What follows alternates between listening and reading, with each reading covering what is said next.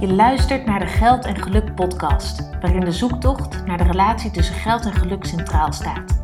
Wat kunnen wij leren van mensen met veel of juist weinig geld? Wat zeggen experts over de relatie tussen geld en geluk? Welke tips en trucs zijn er om veel geld te verdienen? En belangrijker, maakt dat geld nou echt gelukkig? Ik ben Emma Hafkamp, GZ-psycholoog, coach en yogatherapeut en oprichter van Praktijk Lux. Ik help ondernemers, CEO's en managers die ondanks hun financiële vrijheid zich mentaal niet vrij voelen. Worstelingen met eenzaamheid aan de top, een gevoel van leegte, moeite met de balans tussen werk en privé of een gebrek aan zingeving kunnen het leven zwaar laten voelen. Dat kan anders. Het leiden van een lichter en daarmee gelukkiger leven ligt binnen jouw handbereik. Ik wens je veel inspiratie en luisterplezier. Welkom bij de negende aflevering van de Geld en Geluk podcast. Deze keer met Dorothee Loorbach.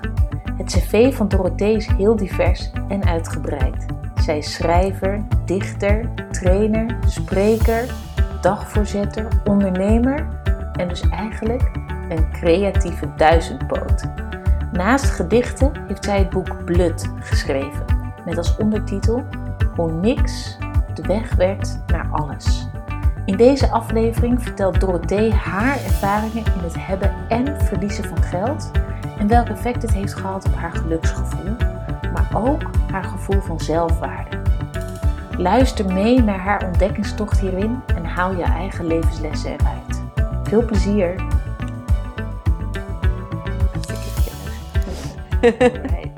Gaan we.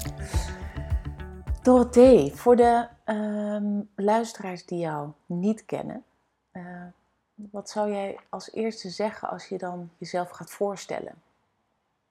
Oh, ik vind dat net zoiets als hoe gaat het met je? Dat heeft zoveel lagen. Ja. Ehm, het ligt er meestal aan met wie ik in gesprek ben. Hmm. Maar eh, ja, ik ben eh, moeder, single moeder van twee kinderen. Twee pubers van 4 en 17. Een eh, zoontje Miles en een dochter Emma. Ja. Eh, ik ben al heel lang importtukker. Ehm woon in Enschede. En ik, ehm, ja, ik, ik doe eigenlijk heel uiteenlopende dingen. Ja. Eh, ik ben schrijver, dichter, spreker, trainer, theatermaker. Ik doe eigenlijk heel veel verschillende dingen die op mijn pad komen. Maar wat ze gemeen hebben is, denk ik, ehm, dat ik mensen wil laten voelen dat ze in wat dan ook niet alleen zijn. Dat iemand ze Mm. ziet of begrijpt of eh, ze kan ontmoeten waar ze staan. Wat mooi. En dat komt in alles terug. Ja, dank je. Ja. Hoe, hoe ben je daarop gekomen dat dat nou belangrijk voor jou is, of dat je daar ook goed in bent om dat te doen? Oh, een goede vraag. Dat weet ik eigenlijk niet. Hmm. Ik, eh, ik experimenteer altijd. Dus Mhm. ik, ik, ehm, ik kijk niet naar wat zou er uit iets moeten komen, maar wat zou ik willen ervaren. En dat zijn vaak dingen waar ik in kan groeien of nieuwe aspecten van het leven kan ontdekken. Ja. En er zit niet een uitkomst aan. Dus dan kun je eigenlijk nooit falen. Mhm. Dus op die manier voel ik gewoon als er iets op mijn pad komt, wil ik dit ervaren of wil ik het niet ervaren. En er zit geen stress op.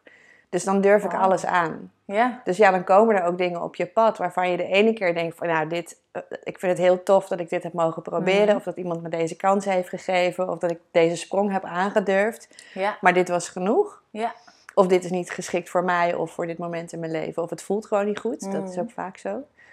En de andere keer denk ik, oh ja, hier wil ik echt veel meer van. En dan ga ik daar bewust of onbewust mijn leven meer op inrichten. Ja. ja. Nou, en dan komt er vanzelf een soort van rode draad. Met, met Mhm. name doordat ik heb geleerd ehm, eh, om, om eens elke keer af te vragen, wat zou ik het liefst willen? Mhm. Dus niet alleen maar wat wil ik nu, of wat heb ik nu nodig, of wat moet ik doen voor mijn hypotheek. Dat, die, die basis moet er wel altijd zijn. Ja.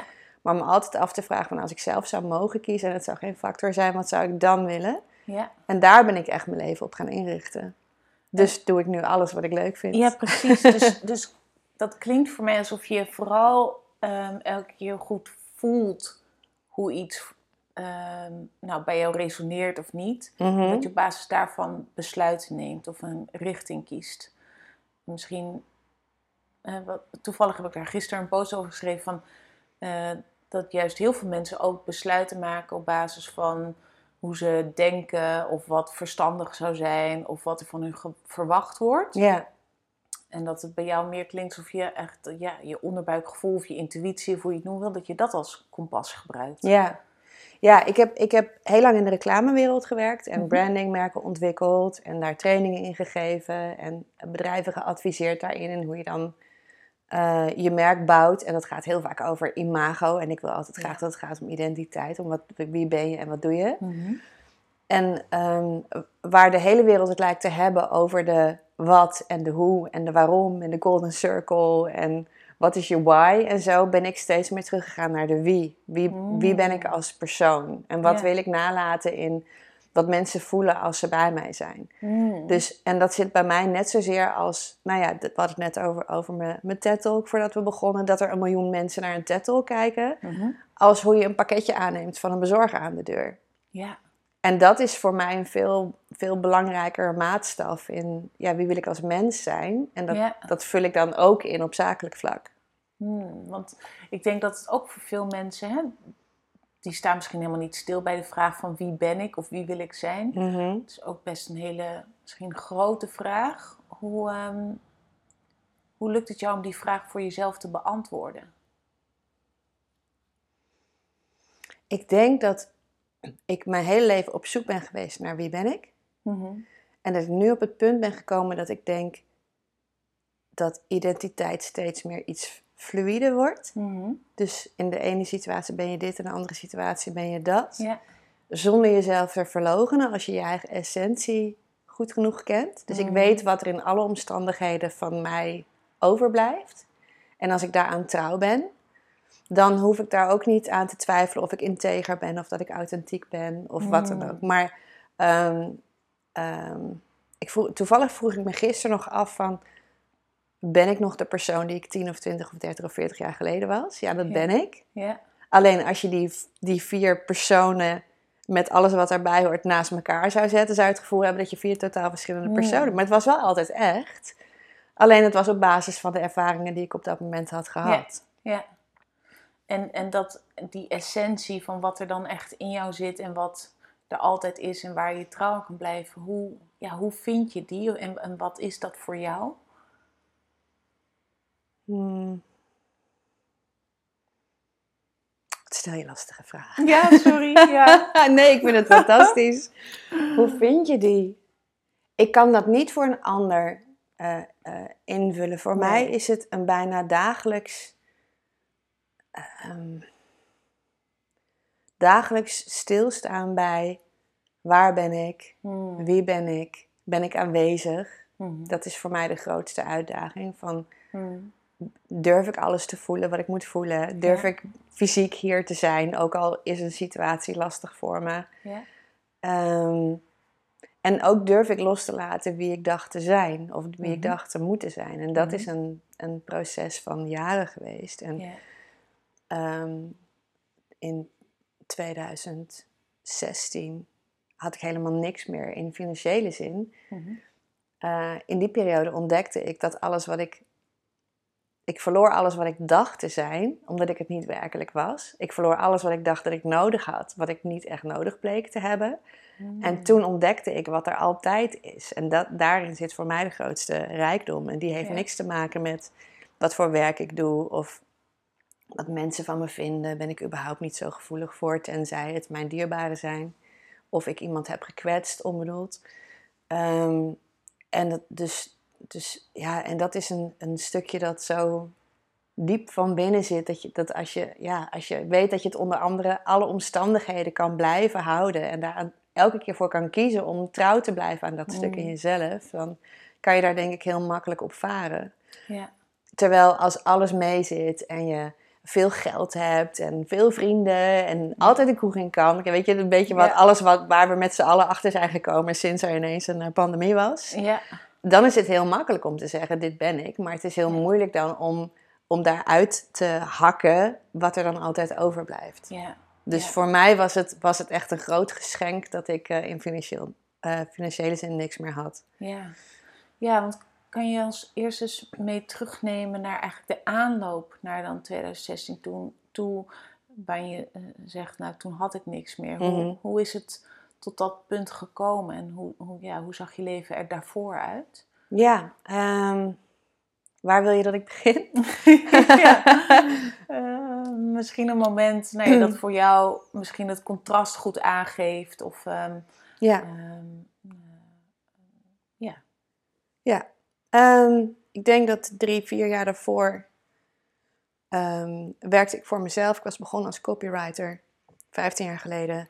Um, toen bleek ik goed te zijn in strategisch, analytisch uh, uh, dingen doorzien, en verbanden zien, noem maar op. Dus toen ging ik echt gewoon dieper organisaties in en kon ik advies geven over hoe bouw je dan een merk. En ja. uh, in dezelfde periode um, um, kwamen er presentatiedingen en interviews en dagvoorzitterschappen. En mm -hmm. kreeg ik een programma, een live programma aangeboden bij de regionale omroep, een talkshow. Mm -hmm. En kon ik dat soort dingen ontwikkelen. Dus, dus qua ego en status ging het super lekker. Ja, ik deed allemaal dingen die andere mensen interessant vonden. Ja. Uh, ik verdiende daar, als je alles bij elkaar optelt, heel veel geld mee. Mhm. Veel meer dan ik nodig had. En, um, uh, en daar zat heel veel schaamte op ook. Ah. En alles wat ik deed was leeg. En, en Um, waar had die schaamte mee te maken? Um, ik denk dat uh, mijn ouders uit Oost-Groningen komen. En daar Mhm. is, is, het, is het mantra is wel een beetje... doe maar normaal, dan, dan doe je al gek genoeg. En, um, ja, en zodra ik... En mijn moeder had heel veel overtuigingen over mensen met geld. En die uiten ze ook. En ik weet Heb je niet... daar een voorbeeld van? van zo'n Ja, dat, dat, dat we bij mensen thuis zaten die een hele, hele luxe inrichting hadden. En dat Mm. ook fijn vonden om daar veel geld aan te besteden. En dat, uh, dat iemand daar naar de keuken liep en dat ze zegt... Ja, op zo'n bank van 20.000 euro kun je toch niet lekker zitten? Oh ja. Wat, wat zullen die mensen arm zijn? Dat ze zo oppervlakkig zijn dat ze hier geluk uit denken te halen. Ja, dat ja. soort, en dat waren de overtuigingen van mijn moeder... die niks met deze mensen te maken hadden. Nee. Dat was ook niet een... Het was ook geen afgunst of zo, maar het waren gewoon haar overtuigingen over meer hebben dan je nodig hebt. Of Ja. meer, ja, ehm, ja, het waren haar overtuigingen. En doordat zij die alleen maar in negatieve zin uiten, Hmm. dacht ik, mensen met meer geld dan ze nodig hebben zijn slechte mensen. Dus Ja. zo wil ik niet worden. Ja. Dus als ik meer had dan ik nodig had, dan dacht ik, oh, maar nu word ik een slecht persoon. Mhm. Of ehm, nu word ik een oppervlakkig persoon. Oh ja. Eh, ja. Want zat daar het slechte vooral in? In dat het dan misschien leeg is of oppervlakkig? Of... Nou, het was een combinatie van dingen. Mm. Dus daar zat de overtuiging dat het slecht was om meer geld te hebben dan ik nodig heb.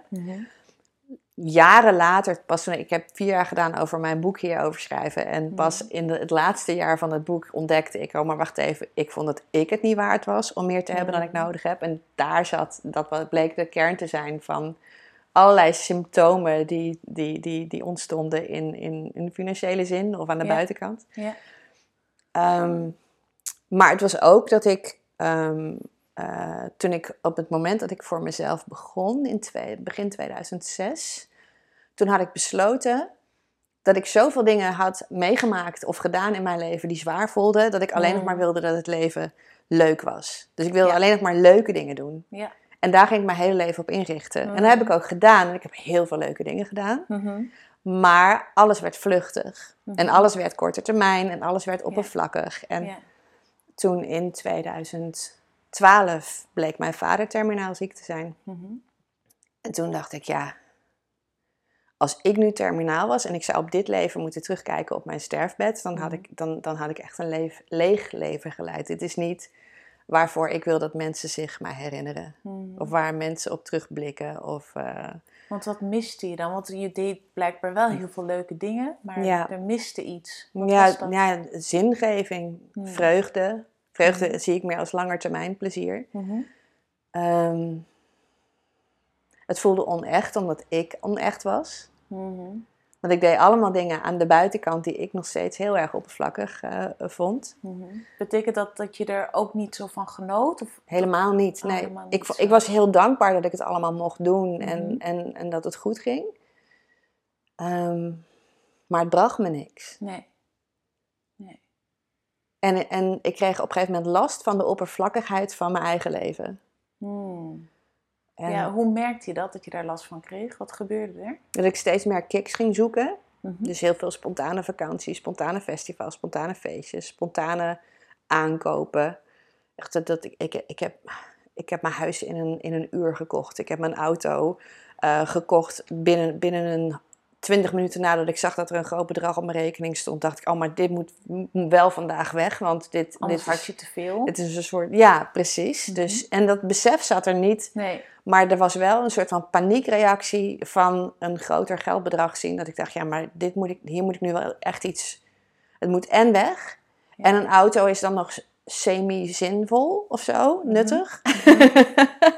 maar toen kwam ik erachter dat toen ik hem kocht, dat ik de, maar de helft contant mocht betalen. Dus dan moest ik de andere helft en moest dan per maand afgeschreven worden. Ja. En ik had de rest van het geld nog, dus dat moest dan Ja. ook nog op. Dus dat Ja. was heel stressvol, Ja. Ja. met een knipoog dan. Ja. Maar ehm, ja, het was heel treurig, want ik wilde meer betekenen. Maar met wat meer bewustzijn had ik er ook op dat moment voor kunnen kiezen om het hele bedrag aan een goed doel te geven. Hmm. Maar dat kwam niet op, in me op, omdat het zo'n paniekding was of Ja, zo. Het was, eh, het was niet iets het waar je onbewust. rustig en, en bewust over nadacht, maar echt eigenlijk gelijk actiegericht vanuit die paniek. Ja, Ja. ja. Ja. Ja, en hoe ging dat verder? Ehm, nou, toen, eh, toen mijn vader ziek was, toen besloot ik wel echt van... ik wil dat de dingen die ik doe betekenis hebben. Mhm. Al is het alleen maar voor mezelf dat ik het idee heb dat ik iets gegeven heb aan een ander. Mhm. Ehm, en ik wil vreugde in plaats van plezier. En, ja, en dan wordt het, want dan wordt de vraag: wat wil je nou echt? Wordt een heel ingewikkelde. Omdat, Ja. omdat ik al zo dankbaar was voor alle dingen die ik al mocht doen en Mhm, daar dus niet gelukkig van werd, vond ik dat echt heel erg verwend van mezelf. Dus toen dacht ik: ehm, wat wilde ik nou toen ik klein was? Hmm. Want dan weet je het vaak heel zuiver, omdat je nog niet bezig bent met wat andere mensen vinden dat je mag willen, of wat je school of wie dan ook Precies. je in, inprent. Wat mooi om die vraag aan jezelf te stellen. Ja, Ja. ja. dan kom, dat komt altijd heel puur uit. Ja. Dat, eh, of- en dat hoeft dan niet dat beroep te zijn. Ik bedoel, van heel veel kinderen willen, willen astronaut worden of zo. Mhm. Maar er zitten elementen in het astronaut zijn... Ja. die je ook kan toepassen in een andere baan of een andere richting. En wat ik had was, ik wilde stand-up comedian worden... Ja? of radio-dj of schrijver. Oké. Maar omdat ik al zo lang 80 uur in de week als copywriter had gewerkt, was, was schrijven echt, had, een, had een, een, een nare bijsmaak voor me Ja. gekregen. Ook omdat dat toch vaak over imago ging. Mhm. Dus dat was al, voor mij ook, schrijven was ook al iets onechts en heel hard werken. Mm, Ja. Ehm, een stand-up comedian en radio-dj kwam in dezelfde periode ineens op mijn pad toen ik het hardop zei, binnen een maand of zo. Eh, eerst heb ik gesproken op de crematie van mijn vader en in overleg met hem kreeg ik carte blanche en vonden wij het heel leuk als mensen per ongeluk moesten lachen. Mhm.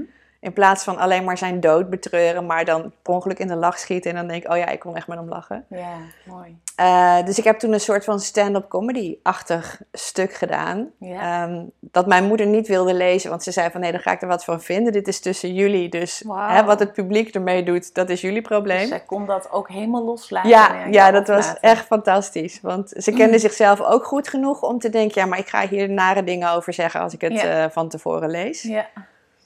Mijn vader was nogal een control freak, dus die wilde het ook van tevoren lezen. Maar toen zei ik, ja pap, dat kan ik echt niet als je nog leeft. Dat, ik kan je met een heleboel dingen helpen, maar dit, eh, dit, nee, dit kan ik pas als het gevoel er is. En ik weet hoe het is om je vader te verliezen. Ja. Maar toen in de, in de condoleancerij stond iemand die ik vaag kende. En die zei, ik kende de eigenaar van, eh van Tumblr heel goed. En ik weet zeker dat hij jou daar wil, dus wil je, wil je optreden daar? Mm. En toen vlak daarna, toen ik werkte bij RTV Oost, deed ik een tv-programma. Maar elke kans die ik had, zat ik bij de radio-dj's. Omdat ik dat het echt, eh, ja, dat, dat, dat, dat gebeurt echt in het moment, radio. Ja, Daar kan je ja. niet met make-up of decor of wat dan ook iets aan toevoegen. En ehm, toen sprak ik daar bij toeval het zusje van de programmadirecteur van Radio 6 destijds. Mhm. En, eh, nou, en toen mocht ik daar eh, eh, mocht ik een demo laten maken. En kon ik wel beginnen in de nacht. En kon ik wel North Sea Jazz presenteren. Weet ik veel wat allemaal uitzendingen. En dat- ik echt dacht, oh, wow, dit is het. Ja. En dat is er allebei niet van gekomen. Omdat ik eh, eh, een, een Engelsman, Russell, tegenkwam op een feestje. En we hadden het over... Wat maakt mensen nou gelukkig of ongelukkig? En hij had daar heel veel onderzoek naar gedaan, maar Mhm. sprak geen Nederlands en woonde met zijn liefde in eh, Zutphen. Mhm. En ik had het onderzoek er niet naar gedaan, maar ik wilde wel heel graag iets betekenen. En, eh, en, en de manieren die hij daarvoor had, die spraken me heel erg aan. Dus toen zijn wij eh, eigenlijk vrij snel eh, zijn we een trainingsbureau begonnen. Destijds met mijn zusje er nog bij. Ja. Met z'n drieën. En dat heette Lucid. Lucid is de, ja, de regie nemen over je dromen. Het is de helder, Mhm. heldere fase in dromen. Dat je weet dat je droomt en er dan wat mee kan. Ja. En, ehm, en, en, en, en die workshop heette What the fuck is purpose? Ja. En, eh, ehm, en dat was op basis van waardebepalingen achteraf. Mm. Maar daar waren we iets te vroeg mee. dus ik spreek nog, dit was 2014, ik spreek nog acht jaar later mensen die zeggen: Je hebt echt mijn leven toen veranderd. En wat jullie hebben gedaan, dat is echt gewoon zoveel geld waard geweest. En ze En, hebben eh, daar drie euro eh, voor of niks, want het Oh, was een ja. blanco envelop. En, eh, en ja. ja, dat, dus ja, want als je dan midden, want de- we deden dat in, de binnenstad en daarna gingen we dan nog een drankje doen of zo. Ja, da- daar kan je ook een drankje voor kopen. Of mensen weten in het moment zelf niet wat iets waard is. Nee. En, ehm, en wij dus blijkbaar ook niet. Hmm. Dus wij durfden er eigenlijk ook niks voor te vragen. Ik zeker niet, want ik kwam niet uit die wereld. Dus ik dacht, ja, wie ben ik nou om iets Hmm. Bij iemand los te maken? Dus het was niet zozeer dat je wel de waarde voelde, maar er geen geld voor durfde te vragen. Maar echt dat je ook nog niet zo goed aan kon voelen wat de waarde was die jij bracht. Ja, we voelden het wel, Hmm. maar het, het voelde als een soort van een magisch moment dat we creëerden met mensen. En waarvan we ook wel wisten dat hun leven er nooit meer anders uit zou zien, maar we wisten niet wat we ervoor mochten vragen. Oh ja. En het was ook best wel. Er waren ook mensen die gewoon hun baan daarna gingen opzeggen of een relatie gingen verbreken. Ja. Dus dat is niet de verantwoordelijkheid die wij durfden te dragen. Nee. Hey, en stel nou, hè, er luistert iemand en die is ook bezig met ehm, eh, nou ja, iets opzetten of al aan het eh, uitvoeren van bepaalde waarde leveren aan mensen in wat voor vorm of business dan ook. Maar die ook zit te worstelen met van, ja, hoe bepaal ik nou wat daar tegenover staat aan geld? Hoe, Mhm. hoe, ehm, ja, wat zou je daarin nu adviseren? Of misschien wat zou je nu aan jezelf adviseren toen der tijd? Ehm, dat er een heel groot verschil is tussen kosten en waarde, of Mhm. tussen prijs en waarde.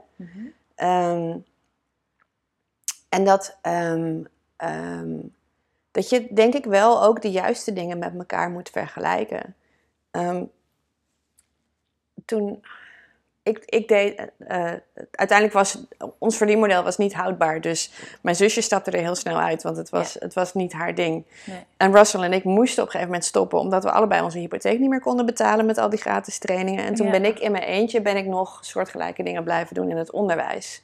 Wat de Mm. slechtste plek is om dit te doen. Je hebt de meeste impact, omdat het een nieuwe generatie is Ja. die je dan nog soort van kan redden van, van dogma's die er, die er Ja. spelen. Ehm, maar er wordt niet makkelijk geld uitgegeven aan persoonlijke ontwikkeling, helaas.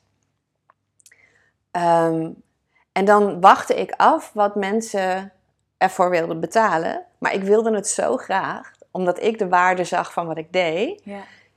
in menselijke zin, dat ik me liet afschepen met: ja, we hebben geen budget, maar we vinden het heel belangrijk wat je doet. Of je krijgt drie tientjes reiskostenvergoeding en een fles wijn. En meer hebben we niet voor dit soort dingen. Maar we willen wel heel graag dat je komt. En dan Ja. zei ik: oh ja, maakt niet uit, want ik wil gewoon met die studenten in gesprek. Ja.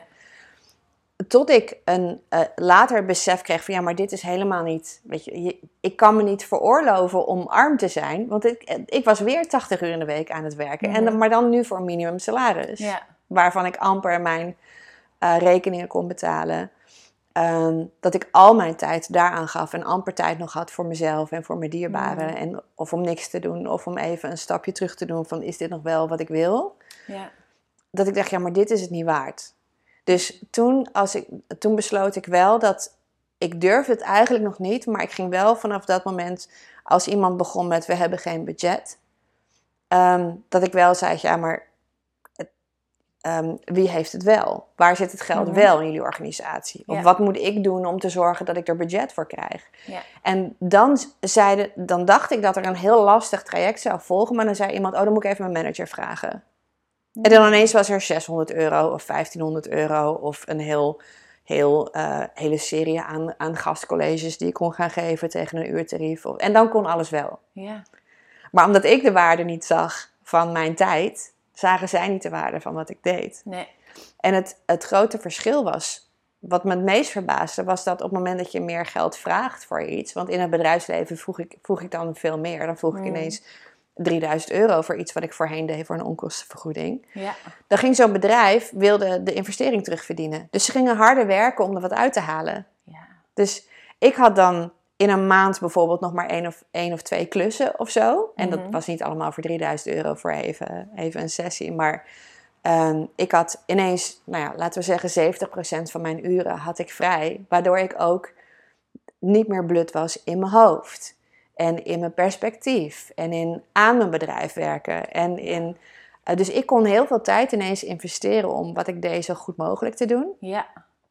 En de opdrachtgever werkte mee om te zorgen dat het nog beter werd. Mhm. Ehm, waardoor wat ik deed ook steeds meer waard werd. En ik het steeds beter durfde te vragen. Ja. Wauw. Ja. Maar het, het- weet je, het, blijft, het blijft lastig. Want vaak rekenen mensen alleen maar de tijd van het Mm. moment. Dus ik kom ergens twee uur wat doen. Ja.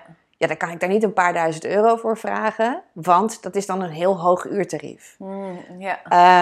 En dat ben ik dan niet waard. Ja. Maar ik, ja, ik had, ik had het. ehm, in mijn boek haal ik Picasso aan. Mhm. Waar een verhaal over rondgaat dat hij in een cafeetje zat aan het eind van zijn loopbaan en een beetje zat te schetsen. En dan een paar seconden per schets. En, dan, ehm, eh, en dat een vrouw tegen hem zei: Wilt u van mij een portret maken? Tegen betaling. En, ehm, eh, en dat hij zei: Dat is goed. En hij ging drie seconden een paar lijnen zetten. Eh, en toen gaf hij het aan haar en die, hij vroeg dan, nou dat is dan eh, 1500 euro omgerekend of zo. En dan zei ze, ja maar u bent maar een paar, het heeft u maar een paar seconden gekost. Ja. Dat hij zei, mevrouw, het heeft me mijn hele leven gekost. Juist. Ja. En ik denk, dat, ik denk dat dat de manier is om naar je uurtarief te kijken. Dat je niet in uren gaat rekenen, wat je ook doet. Maar Ja. kijk naar hoeveel heb ik in mijn hele leven geïnvesteerd om op het punt te komen Ja. dat ik dit kan leveren voor een ander. Ja. En dan heb je het over hele andere geldbedragen. Ja. Die mensen ook echt wel willen betalen. Als je de waarde maar ziet. Ja, ja. Dus wat ik je eigenlijk hoor zeggen, is dat je eerst nog in de reclamewereld ook ehm 80 uur per week kon werken. ehm, maar dat het je geen voldoening gaf, dat het eigenlijk vooral veel leegte was dat, dat je Ja. voelde. Daarna ben je eh, via allerlei wegen in een situatie terechtgekomen waarin je nog een keer 80 uur per week werkte met heel erg betekenisvol werk. Maar eh, je kreeg er in ieder geval in financieel opzicht weinig voor terug. Ja, Dat werkt dus ook niet. Dus je ging een Ja. beetje van het ene uiterste misschien naar het andere uiterste als je gaat over eh, de dimensie van zingeving. ja, Van niet naar misschien wel bijna heel veel of maximaal.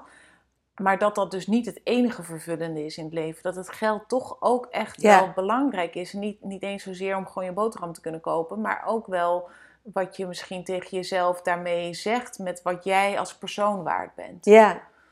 Ja, en de wereld lijkt ook een beetje, als je kijkt naar van die, van die, van die plaatjes van Ikigai of Purpose, dan heb je van die, van, die, van die velden die dan in elkaar haken van dat waar je geld voor krijgt, waar je eh, goed in bent, wat eh, goed is voor de wereld en dat waar je van houdt. En als die alle vier samenkomen, dan zit je op je purpose of je Ikigai. Ja, Maar in de praktijk zie ik vooral dat mensen of meteen vanuit school al in het systeem zitten waarmee we allemaal, denk ik, worden opgevoed in Nederland, is je moet ergens goed in zijn en dan krijg je er geld voor. En hoe beter je erin wordt, hoe meer geld je krijgt. En dat is dan de kant die je opgaat. Mm. Eh, en dan zit je in die, ehm, ehm, eh, hoe noem je dat? Treadmill? Zo'n, nou ja, ben je zo'n hamster in zo'n rad, weet je Ja, wel? En dan blijf je maar, je moet steeds meer verdienen. Ehm, dus je moet steeds harder werken, dan gaat je levensstijl omhoog. En dan moet je steeds harder werken om die levensstijl te kunnen betalen. Terwijl je niet meer gaat overhouden. Dus het wordt steeds erger eigenlijk. En dan op een gegeven moment heb je die tophypotheek en, en je levensstijl en je kosten. En je kan het amper nog naar beneden Ja. eh, brengen. En dan kom je in een situatie dat je zelfs met een supergoeie baan of een succesvol bedrijf over twee keer hypotheek missen dakloos kunt zijn. ja. Ehm, of je zit aan de andere kant en dat is dan, ik wil doen wat goed is voor de wereld. En dat, daar mag ik dan geen geld voor vragen, want ik Ja. wil zoveel mogelijk mensen helpen. ja. En dan kom je in een situatie, als dat niet goed gaat, dat je niet eens meer voor jezelf kunt zorgen, zoals ik dat had. Ja. En dan kun je niks meer geven. Mm. Zelfs niet aan jezelf. Nee. En ehm, ik denk dat het heel gezond is om wel naar al, alle vier die elementen te kijken, maar daar wel een balans in, eh, in te zoeken. Ja. Omdat de randvoorwaarde is wel dat je genoeg moet hebben. Mm. Dus ehm, wat ik vooral heb geleerd van, van, van, van, van het schrijven van mijn boek is dat over geld dan, dan want uiteindelijk gaat het over waarde, maar ehm, dat als je geld onbelangrijk wilt laten zijn in je leven, moet je het wel eerst belangrijk genoeg maken. Mhm. En dat ik blijven doen. Dus het maakt niet uit of jij, als, je, als jij eh, eh, bijvoorbeeld ondernemer wilt worden, ehm, of je nou eh, drie krantenwijken neemt, zodat je eh, één dag in de week eh, iets voor jezelf kan doen, maar daarmee wel je rekeningen betaalt. Ja. Of dat je zorgt dat je meteen iets in de markt zet wat je kan verkopen en waar mensen goed voor betalen. Dat maakt niet uit. Nee. Ehm, als, je, als je inkomsten maar groter zijn dan je kosten. En er zijn een heleboel manieren om dat te doen. Ja. Maar je kan niet weggeven wat je voor jezelf nodig hebt. Nee. Dus ik denk dat daar heel veel ellende uitkomt. Ja, ja, precies. En, en ehm, nou, je refereert al een paar keer aan, aan je boek, Mhm. Lut. Ehm, en je hebt ook al eh, een keer aangegeven dat, dat, ehm, eh, dat het, het schrijfproces duurde eigenlijk heel lang, omdat je elke keer in een verschillende lagen terecht kwam. Ja. Ehm, wil je daar wat over vertellen? Hoe het Ja. begon met schrijven en waar je uiteindelijk op uit bent gekomen? ja, tuurlijk. Ja, dat was heel interessant. Want ook daarin zie ik verschillende identiteiten van mezelf ineens Hmm. ontstaan of zo.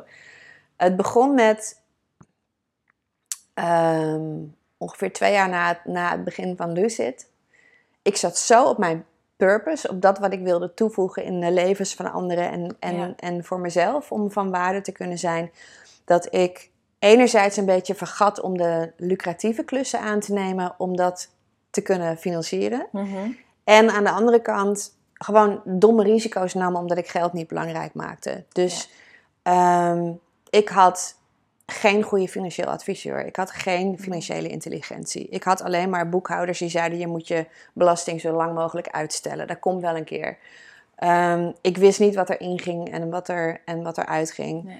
Ehm, en ehm, eh, ik had wel dat ik dacht van, oh ja, want als, als ik nu, eh, als ik nu die dingen die we, die we willen doen, als ik die echt goed wil doen, dan heb ik natuurlijk wel kapitaal nodig. Dat Ja. besef was er wel. Van ik Ja. moet echt ruimte hebben, want anders ben ik alleen maar uurtje factuurtje aan het doen en dan kom ik niet toe aan de dingen die ik belangrijk vind. Dus dat Mhm. besef was er wel. Maar toen ging ik voor een vriend van mij een marketingafdeling opzetten in zijn start-up. En eerst had ik nee tegen hem gezegd en toen zei hij, maar als ik je nou aan het eind betaal, heb je dat hele bedrag tegen de tijd dat ik mijn investering rond heb. En dan ga ik je dat in één keer aan het eind uitbetalen en dan kun jij in januari gewoon gaan knallen met je bedrijf. Hm. En toen dacht ik, oh dat is wel slim, dan kan ik het ook niet uitgeven. Mhm. En ehm, dus dat heb ik gedaan. Dus ik werkte zelfs op zaterdag en avonden en vanuit knetterhard voor hem gewerkt. Ja. En toen kwam het moment van eh, uitbetalen dichterbij. En toen zeiden ja, maar heb je wat op papier staan dan? En toen, eh, toen werd er maar een klein deel betaald van, eh, van, van wat ik had gedaan. Ja. En dat was ongeveer, dat was een paar maanden voordat het echt, pardon, voordat het echt krap werd. Ehm, en toen ehm, werd het zomer. En ik had elk jaar wel een buffer, omdat ik met mijn werk in de zomer geen inkomsten had. Met name omdat ik veel in het onderwijs deed en scholen dan dicht zijn. Dus ik wist dat ik van augustus tot september niks zou kunnen factureren. Ja. Dus ik had, ik had iets van 20.000 euro spaargeld voor dat soort dingen. Ja. En toen kreeg ik iets van vijf brieven van de Belastingdienst van je moet nu gaan betalen voor de jaren waarin het goed ging. En dat kwam totaal onverwacht. Ja. Dat, elke ondernemer zal zeggen, ja dat weet je toch dat je belasting moet betalen. Maar ik had alleen maar uitgesteld en ik dacht, ja dat komt dan wel een keer. Maar het kwam Ja. op het moment dat ik geen inkomsten had. Ja. En ik had niks gereserveerd. Ik, ik had werk in privé gewoon door elkaar gebruikt. En, Mhm. Dus toen ging mijn hele buffer, al mijn spaargeld, ging naar de Belastingdienst. Ja. Omdat je op een gegeven moment op het punt komt dat je ook geen regelingen meer mag treffen. Dat er ook Mm. niemand meer naar je wil luisteren. Oh, en ja. dat het gewoon is, ja maar hallo, je bent al zoveel jaren bezig. Dit Ja. kwam gewoon. Ja. Ehm, hij kwam niet over de brug met het bedrag dat we hadden afgesproken. Mhm. En ik had gewoon helemaal niks meer. Dus, dus ja, en toen had ik op 4 augustus 2016 had ik nog 3,97 euro. Op al mijn bankrekeningen. En eh, ehm, toen heb ik ehm, eh, een video, ik sla even wat stappen over, omdat Ja. het anders heel lang wordt. Ja.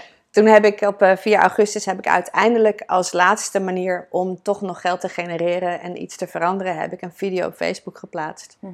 Waarin ik zei, dit is mijn... Ik heb uh, die 3,97 euro overgemaakt naar de spaarrekening van mijn dochter. Omdat ik merkte dat ik al een week bang was om 3,97 euro kwijt te raken en daardoor niet ging handelen omdat ik alleen maar in een soort van. Ik bevroor. Ja. ja, en, uh, nou, en toen was ik echt op de bodem. En toen voelde ik ineens: oké, nu kan ik gaan bewegen. Ja. Want nu moet ik wel. Ja. Um, en toen heb ik een video gepost van: nou, dit is mijn saldo 0,0. Dat heb ik zelf veroorzaakt. Um, en ik ga leren van de beste. Ik ga dit voor eens en voor altijd uh, veranderen. Mm. Ik hoop dat anderen in deze situatie hier ook iets mee kunnen. Dus ik ga alles um, uh, ik ga er een boek over schrijven. Ik ga iedereen die ik kan bedenken die wel snapt hoe het werkt met financiën en ondernemen, ga ik interviewen. Ja. En het leren van de beste en dat delen met uh, wie dat maar wil horen. En dus een boek daarover schrijven. En ik had gezegd, binnen een jaar ben ik uh, vrij van geldzorgen. Mm -hmm. En is dat boek er en dat boek kun je nu kopen voor 10 euro. Mm. Met mijn rekeningnummer eronder. Ja. um, En die urgentie was, was niet eens alleen maar zo hoog omdat ik uh, gefaald had als ondernemer, maar vooral als moeder. Mhm. Want mijn dochter was op dat moment drie weken bij haar vader. We hebben co-ouderschap. En ze zou twee dagen later bij mij komen. En dat was haar verjaardag. En ik kon niet eens een taart voor de bakken. Dus dat, dat was mijn grootste verdriet. En, en waarom ik zo boos was op mezelf. Dat ik dacht, ja, ik, ik heb heel veel fijne, leuke mensen omheen waarvan ik nu best iets zou kunnen lenen. Of opdrachtgevers die echt wel zouden zeggen van joh, we betalen je nu vast voor een opdracht die over een paar maanden komt. Ja. Maar dan verander ik het niet. Dus ik wilde ook echt mezelf een soort van aan de schandpaal nagelen. Van nou, dan moet ik wel. Ja. Dan, dan kan ik gewoon niet meer falen. Ja. En uh, nou ja, dus toen ben ik, uh, ben ik uh, alle succesvolle ondernemers waar, die ik kon bedenken, ben ik gaan interviewen. Um, en specialist op financieel gebied. En, um, en iedereen zei ja. Hmm. En het grappige was dat, pardon, dat alle mannen zeiden meteen ja, want ik wist wel hoe ik het moest brengen. Dus ik zei, ik wil graag leren van de beste, dus. Ja. Nou, en dan zeiden ze, ja, tuurlijk meisje, kom maar. Ik vertel je wel even hoe het moet. Ja. en die gingen me alleen maar vertellen hoe je meer geld kon verdienen. Dat vond ik ook heel opvallend. Hmm. En in het begin had ik dat niet door, want toen was mijn insteek was: ik heb niks, hoe zorg ik dat ik niet meer niks heb? Ja. Dus dan was het heel interessant om te, te, te, horen hoe kan je meer verdienen. Ja. Maar toen ik binnen zes maanden was ik vrij van geldzorgen. Mm Omdat ik gewoon alles had toegepast wat ik had, uh, wat ik had geleerd meteen. En toen dacht ik, ja, ik wil niet nog praten met mensen die alleen maar vertellen hoe ik meer geld kan verdienen. Kan je wel een paar dingetjes zeggen die je toen hebt um, veranderd of hebt toegepast waarvan je in ieder geval van blut naar uh, vrij van geldzorgen bent gekomen?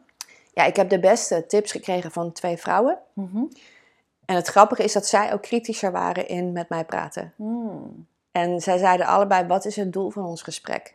Ah ja. Waar committeer ik me nu aan? Dat vond ik echt. Dat, dus dat was sowieso een hele goede les voor me. Ja. Um, die ik nu ook toepas. Want nu willen ineens mensen met mij koffie drinken. En dat ik ook zeg, nou, wat is het doel? En uh, nou ja, uh, dus dat, dat, Want Wat, wat, wat brengt dat als je dat zo heel specifiek vraagt en, uh, en dat, de ander over laat nadenken? Uh, sowieso dat ik heb geleerd dat voor mij betekent geld op zich niks. Het is de betekenis die je eraan geeft. Hmm. Maar het staat voor mij wel heel, voor een heel groot deel synoniem aan tijd. En tijd is voor mij wel belangrijk. Ja.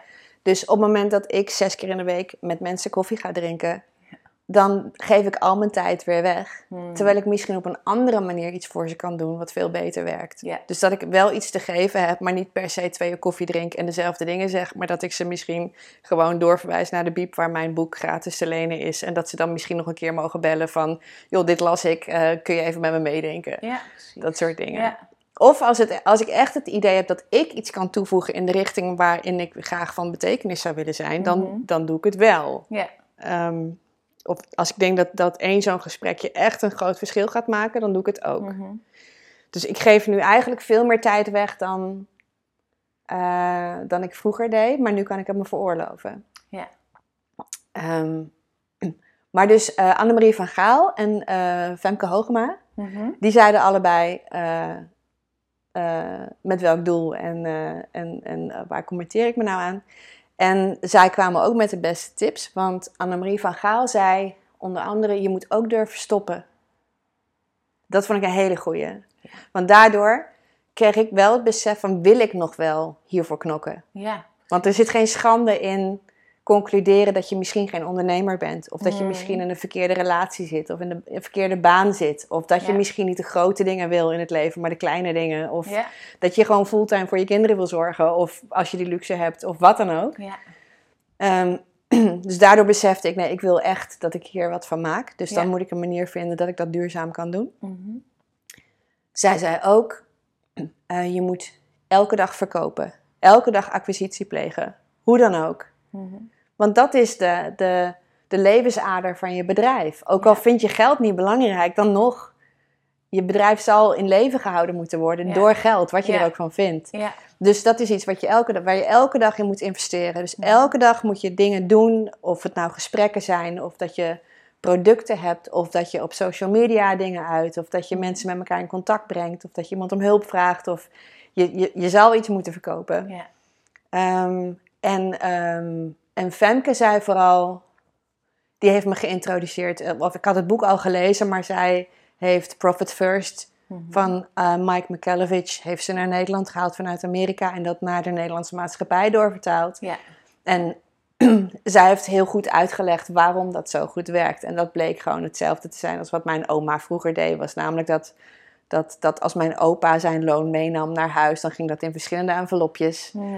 En dan was iets was voor, de, voor het eten, en iets was voor het sparen, en iets was voor de leuke dingen doen, en Ja. iets was voor je weet maar nooit. En, nou, en Ja. dat is profit first. Dus Ja. dat, heeft, eh, dat heeft Femke heel mooi toegelicht. Ja. En, ehm, eh, en verder ehm, merkte ik dat ik een aantal ondernemers sprak voor wie geld een drijfveer is. Mhm. En die denken heel anders. Dus eh, Herman Kok, de oprichter van In Person uit zijn bureau, die dacht ook dat ik gewoon met hem wilde praten over geld verdienen. Dus die zei Ja. van ja, maar jij bent al zo lang dagvoorzitter en presentator en je hebt zo'n groot netwerk. Jij moet gewoon de speel worden in dat netwerk. Je moet gewoon een platform beginnen waar je marge pakt over al die partijen. En dan ga je gewoon evenementen organiseren. En dan loop je meteen binnen. Ja. En toen zei ik, ja, dat snap ik wel, maar dat wil ik niet. Hmm. Of wat je heel veel ehm, eh, ondernemers nu ziet doen, is dat ze internetmarketeers worden. In Ja. plaats van dat wat ze eigenlijk zouden doen. Dus, Ja. dus als jij alleen maar bezig bent met Instagram en Facebook campagnes en, en, en, en dan, dan, dan word je marketeer. Dus dat kan en er zit heel veel geld in. En er zijn heel makkelijke manieren om daar heel veel geld in te verdienen. Maar de vraag is, word je dan gelukkiger van je werk of niet? En bij mij werd elke keer de vraag: brengt dit me dichter bij wie ik ben of verder ervan af? Brengt dit me dichter bij waar ik naartoe wil of verder ervan af? En Ja. als het me er verder van afbracht, deed ik het niet, ongeacht wat de consequenties daarvan waren. En ook ongeacht hoeveel geld je dus daarmee mogelijk misliep. Ja, ja, Ja. toen ik nog hartstikke blut was, toen kreeg ik een, eh, een, eh, een baan aangeboden waar de mensen in mijn televisieverleden alleen maar van konden dromen. Dat was Mhm. namelijk dat de Telegraaf Mediagroep destijds, eh, die gingen een heel, dat is uiteindelijk niet doorgegaan, maar hun plan was om de grootste concurrent van de grote televisiezenders te worden en voor hun Mhm. belangrijkste nieuwsprogramma zochten ze een presentator. En dat mocht ik gaan doen op mijn voorwaarden, welke uren ik maar wilde. Ze regelden voor al mijn werkdagen hotels en van alles. En ik mocht het allemaal zeggen. En Ja. er zat een, ik kreeg meteen een contract waar een salaris in stond waar ik eigenlijk geen nee tegen kon zeggen. En ehm, het zou al mijn problemen oplossen. Ja. En toen uiteindelijk belde ik mijn moeder Hmm. van ja, het, het, het klopt op alle vlakken, maar er knaagt iets en ik kan dat, dat gevoel niet negeren. Maar verstandelijk kan ik het niet maken om nu deze oplossing niet aan te nemen. Dus ik, ik weet niet wat ik nu moet doen. Ik vind dat ik het moet doen, maar ik heb een gevoel dat, het, dat er iets anders is voor me. Ja, dus wederom was hier eigenlijk weer het gevecht tussen je intuïtie als kompas versus Ja, de ratio. Of, of wat, wat ook misschien de buitenwereld waarvan je denkt, nou iedereen zou voor deze keuze nu gaan. ja precies. Ja. En toen zei mijn moeder, zei, nou ja, ik heb net een heel trainingsweekend bij jou gevolgd. En jij zou nu zeggen, welk cijfer geef je deze aanbieding en welk cijfer geef je de andere dingen die mogelijk zijn? Hmm. En toen dacht ik, ja, dit moet ik niet doen. Want dat zou tijdelijk zijn. Het is naar niemand eerlijk. Dus ik heb die dame gebeld van ja, het klinkt totaal onlogisch. Drie jaar geleden was het mijn droombaan geweest, maar ik heb een ander pad. Ja. En ik, ik zou het om de verkeerde redenen doen als ik nu ja zou zeggen. En dan zou jij investeren in me, terwijl ik weg ben zodra ik me kan veroorloven om dat te doen wat ik het allerliefst wil doen. Ja. En dat vond zij fantastisch. Ja. Ja, ik, ik dacht dat ik, dat ik haar teleurgesteld Ja. zou hebben, omdat we best ver in het traject waren. En zij zou, ik zou willen dat iedereen dit deed. Hmm. En als je ooit een idee hebt voor een format of eh, eh, toch iets wil presenteren Ja. of wat dan ook, bel me meteen, want Ja. dan wil ik je ook echt hebben. Maar ik ben blij dat je dit doet. Ja. En toen kwam vlak daarna, ik- weet niet eens meer wat er kwam, maar er, er kwamen allemaal dingen op mijn pad waarmee ik gewoon prima kon verdienen in de richting waar ik het meest plezier uithaalde. En Ja. waar ik dus ook de energie zou hebben om het vol te houden als het moeilijk zou worden, Ja. waar ik al mijn talenten kwijt kon. Ja. Want ik geloof ook dat de talenten waarmee we geboren worden, dat die er niet voor niks zijn. Mhm. Dat, dat je iets te doen hebt in het leven Mhm. of zo. En als je dat negeert, eh, dat je veel harder moet werken dan wanneer je gewoon, gewoon dat volgt wat al voor je, voor je voeten ligt. Ja. In de zin van talent en, en waar je energie van krijgt en Ja. waar je van gaat stralen als je het erover hebt. Ja. Maar dat voelt soms als een luxe die je moet verdienen. Of waar je heel veel stappen eerst voor moet zetten. Ja. ja, of misschien ook wel ehm, dat als het gemakkelijk gaat, dat, dat ehm, ja, hoe, hoe kan je daar dan wel geld mee verdienen? Want dat is Ja. ook wat veel mensen wel eens denken van ja, maar veel geld verdienen lukt alleen als je heel hard werkt of als Ja. het moeilijk is. Ja, heb ik ook gedaan. Ja, ja. En het is gewoon niet waar. Het is gewoon, volgens, volgens mij is het ook een beetje cultuur of opvoeding. Ehm, het Calvinisme. Hm. Je moet er wel heel hard voor werken, want dan mag je er ook van genieten. Ja. Het, het, is, het is gewoon niet waar. En ook met talent. Ik, als ik met studenten werk of met bedrijven en we hebben het over talent, vraag ik ze altijd om minimaal tien mensen in hun omgeving, met wie ze verschillende relaties hebben, Mhm. te laten vertellen wat hun talenten zijn. Oh ja, mooi. Want zelf zie Ja. je het niet, want je Nee. kon het altijd al. Dus je, ik denk, ik denk dat, dat, dat als je, als je eh, eh, wat voor talent dan ook aangeboren hebt, dat je denkt gewoon dat iedereen het kan. Ja. Dus jij vroeg in het begin van hoe wist je dat het iets bijzonders was wat je kon. Dat was omdat ik steeds meer mensen ook ging vragen van wat is het nou dat ik doe? Ah ja. Ja. Want ik kan op basis van wat ik doe, kan ik iemand niet duidelijk uitleggen wat ik dan doe. Nee. Maar doordat ik heel veel mensen heb gevraagd van wat is het nou wat jou bijblijft van de dingen die ik doe, toen dacht ik, oh ja, ik zie mensen. Ja. En ik heb woorden voor dingen waar, voor universele gevoelens, waar andere mensen niet altijd woorden voor hebben. En die Ja. dingen kan ik samenvoegen Ja. In heel veel aspecten. Ja. Ja. Ja, ja, mooi. ja. Ehm, nog even eh, terug naar de verschillende lagen die je ontdekte toen je aan het schrijven was. Dus hè, je zei van eerst bleef het vooral ehm, hangen op het niveau van, nou ja, hoe kan ik uit de financiële zorg komen? Hoe Mhm. kan ik eh, weer in ieder geval geld verdienen? Wat zijn daar de beste tips en trucs voor? ja. Ehm, wat is, ehm, want ik kan volgens mij uren met jou over doorpraten, maar Mhm. laten we een soort van sneltrein nemen en dan kijken naar welke laag je uiteindelijk, ehm waarin je terecht bent gekomen, wat dat jou heeft geleerd. De belangrijkste laag was toch die van waarde en dan Mhm. gekoppeld aan eigen waarde. Mhm. Ik geloof echt dat, dat geld niks betekent. Dat het, dat- tenzij je niks hebt, dan betekent het alles. Dan dicteert het je hele leven en Ja. al je gedachten. En dan, zelfs, zelfs je IQ zakt 13 punten als je schaarste ervaart, in welke zin dan ook. Dus Ja. ook bij geld, om maar te zorgen dat dat waar je schaarste in hebt, dat je daar genoeg van moet zien te krijgen. Ja, Maar als je genoeg in de basis hebt, dan betekent geld dat wat jij, wat jij ervan maakt. Dat, Mhm. dat, geloof, ik, dat geloof ik echt. Ehm, dus toen realiseerde ik me op een gegeven moment: geld is gewoon energie. Het, is iets, het zijn golven en deeltjes die verplaatsen van het een naar het ander. En je, Mhm. of, je, of het komt naar je toe of niet. Maar als het er gewoon is, dan ben jij dus degene die voor een groot deel in onze westerse bevoorrechte samenleving ben jij voor een groot deel degene die bepaalt of het naar jou toe mag of niet. Ja. Net als met liefde. Weet je? Als jij Ja. je hart afsluit, dan zul je niet iemand ontmoeten voor die, die, eh, met wie je een relatie begint, omdat je het Mhm. niet toelaat. Dus ik denk dat het met geld hetzelfde werkt. Mhm.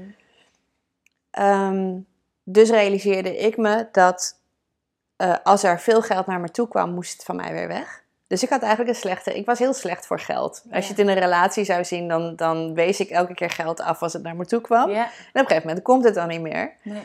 Dus ehm, ging ik onderzoeken wat dat dan was. En toen kwam ik erachter, via verschillende stappen, dat ik zelf heel veel overtuigingen had over Mhm. geld. En eh, ik had op een gegeven moment een heel gekke optelsom kwam ik op. Dat ik dacht van, nou, wat heb ik nou meegenomen van vroeger? Dus toen dacht ik, wat was het voor mijn vader, wat was het voor mijn moeder? Ik heb met de moeder van mijn vader heel veel gesprekken gehad in een, toen ik een ontwikkelingstraject deed, waarin ik lijnen in onze familie wilde, Oh, ja. wilde vaststellen. En zij heeft mij gelukkig heel veel verteld. Dus ik wist, voor mijn vader was het geld is succes. Mhm. En voor mijn moeder was het geld is slecht. Ja. Dat wist ik door haar vele uitingen in negatieve zin. Dus ik dacht, oh, wacht even, maar ik ben een product van beide. Dus voor mij is het succes is slecht. Hmm. Dus die kon ik al afsluiten. Ja. En toen, en toen ontdekte ik van... ehm, toen na zes maanden had ik geen geldzorgen meer. Kwam er ook genoeg binnen, maar het ging nog steeds op. Dus aan de ene kant merkte ik dat dat... eh, de wet van Parkinson heet het. Dat, dat, dat het, eh, het niveau van je uitgaven altijd het niveau van je inkomsten zal, Ja. zal bereiken. Ja. Dus tenzij je zorgt dat je er niet bij kan. Ja. Dat was voor mij ook zo. Dus dat ik een oude patronen verviel. Mhm. En toen ging ik echt op zoek, dat was lang na die TED Talk, van wat is het dan waardoor geld voor mij iets negatiefs blijft. En toen kwam ik erachter dat ik mezelf niet belangrijk vond. Dat ik mezelf niet waardevol vond. Dat ik vond dat ik het niet waard was. Ja. En toen ben ik dat langzaam maar zeker gaan ombuigen. Dat ik echt keek van, oké, uit welke... Wat vind ik echt? Als ik zuiver kijk naar hoe kijk ik naar het leven. Ja, ik ben waardevol, net als ieder ander. Mhm. Wat ik me eigenlijk alleen maar realiseerde door me af te vragen... als alle dingen die ik in mijn hoofd tegen mezelf zeg, onbewust... als ik niet tegen mijn dochter zou zeggen, Mm. dan zou het kindermishandeling zijn. Dus omdat kinderen niet doen wat je zegt, maar doen wat je doet... mag ik dus niet meer zo met mezelf omgaan... Om, alleen al om haar een goed voorbeeld te geven. En toen kon ik anders met mezelf gaan praten. Ja.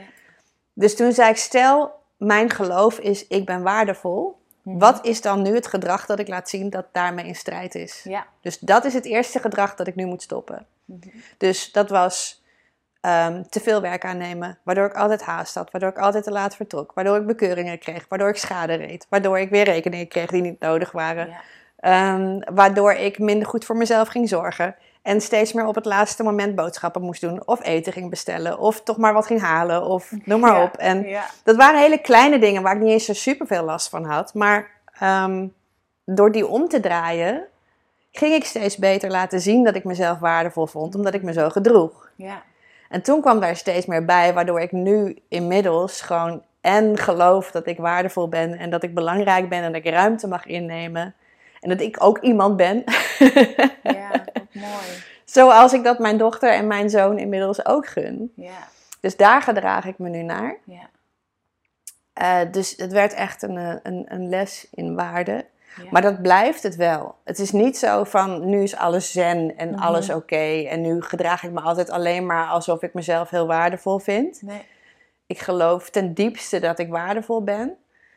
Maar soms komt de wereld ook zo hard binnen dat ik alles ga afsluiten. Omdat ik alles voel van alles en iedereen en alle ellende in de wereld me te veel wordt. Dat ik weer af ga sluiten, dat ik apathisch word en alleen nog maar op de bank wil liggen, Netflixen en eten bestellen. Mhm. Alleen ik grijp steeds sneller in. Ja.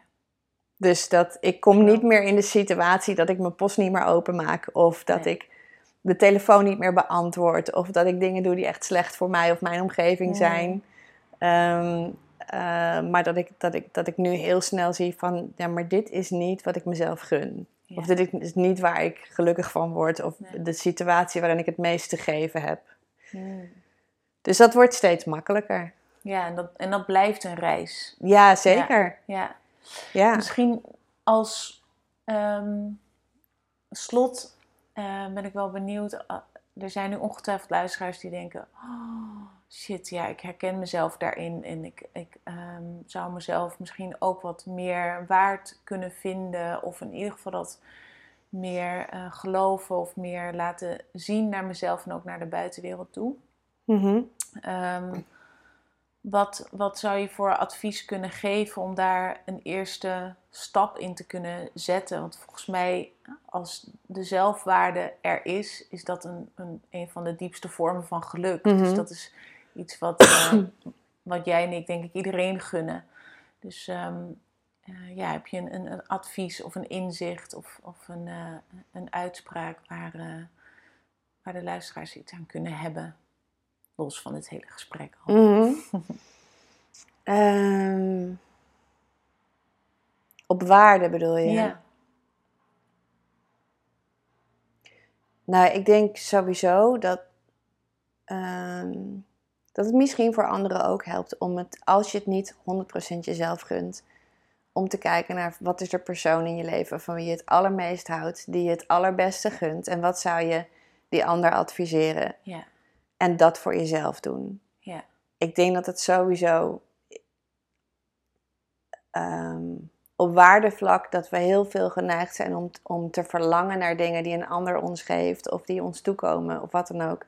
En op het moment dat je dat, je dat aan jezelf of aan een ander kan geven, dat je daar ook veel meer van gaat ervaren. Hmm. Dus ik denk dat als je een dierbare in gedachten neemt, waar, die, je, die je gunt dat die persoon zichzelf als waardevol zou behandelen, wat zou je dan voor jezelf? Wat zou je dan anders doen als je wel geloofde dat je het waard was? Of als Ja. je wel geloofde dat jij belangrijk was? Ja. Of als je je voorstelt dat jij ook dierbaren hebt die voor jou het beste willen, wat zouden ze dan het liefst voor jou willen? Of, Hmm. Ehm, en als je in een situatie zit van absolute schaarste, want als je nul geld hebt, heb je waarschijnlijk ook nul tijd en nul mindspace en, eh, of headspace en nul bevestiging dat, dat, dat er iets goeds is aan wat je doet. En, en Mm. dat het, heeft, het haakt allemaal dan in elkaar, dus dan, zit die, dan ben je blut op alle vlakken. Dat je altijd 1% kan veranderen. Ja. Dus ook al heb je, heb je, moet je rondkomen van de bijstand, je kan altijd 1% sparen. Of 1% investeren. Hmm. En dat geld laat je dan voor je werken. Of 1% van je geld opzij zetten voor iets waar je blij van wordt. Al is het maar iets superkleins. Maar dat zijn uiteindelijk, is mijn ervaring, dat de, dat, dat de kleine dingen in het leven de grote dingen zijn. Dus ja. ehm, En juist ook misschien wel bij de mensen die een overvloed aan geld hebben. ook. Dat, dan, dat als je dan juist gaat kijken naar de kleine dingen, Ja, hoeveel betekenis die kunnen hebben in plaats van al dat grote geld of Ja. het materiaal dat je met het grote geld kan kopen. ja. Ja. ik heb best wel voor mijn boek best wel onderzoek gedaan naar wat zijn nou de gebruiken van mensen die echt heel erg veel, die echt miljardair zijn. Mhm. En dat blijkt dus dat ehm, ehm, juist die groep mensen eh, in verhouding het meeste geld investeren in geen wifi en stilte, bijvoorbeeld. En toen ik niks had in materiële zin, was dat wat ik de hele dag gewoon opzocht. Ja. Namelijk wifi, geen wifi, stilte, een boek lezen, buiten spelen, volledige aandacht hebben in het moment of met mijn dierbaren. Ja, En toen had ik alles. ja. Dus ik, dat is inderdaad misschien nog wel moeilijker als je heel veel geld hebt, of in de materiële zin heel veel hebt, om dan terug te gaan naar waar, waar gaat het nou eigenlijk om? Ja. Ja. Dankjewel voor dit mooie gesprek. Jij bedankt. Ik hoop dat je genoten hebt van het interview en dat je geïnspireerd bent geraakt. Dank je wel voor het luisteren. Het zou ontzettend leuk zijn om van je te horen hoe jij de aflevering hebt ervaren en welke inzichten je hebt gekregen. Je kunt mij dit laten weten door mij een bericht op LinkedIn te sturen of een e-mail naar info@praktijk-lux.nl. Wil je geen enkele aflevering meer missen? Abonneer je dan even op de Geld en Geluk podcast. Klik in de podcast-app op de knop subscribe of abonneren. Ook zou ik het ontzettend waarderen als je een review achter wil laten in de app waarmee je deze aflevering hebt geluisterd. En heb je nu het gevoel dat jij ook op zoek wilt gaan naar hoe jij een gelukkiger en daarmee lichter leven kan gaan leiden? Bekijk dan mijn drie en zes maanden trajecten op mijn website www.praktijk-lux.nl. En wie weet, tot gauw!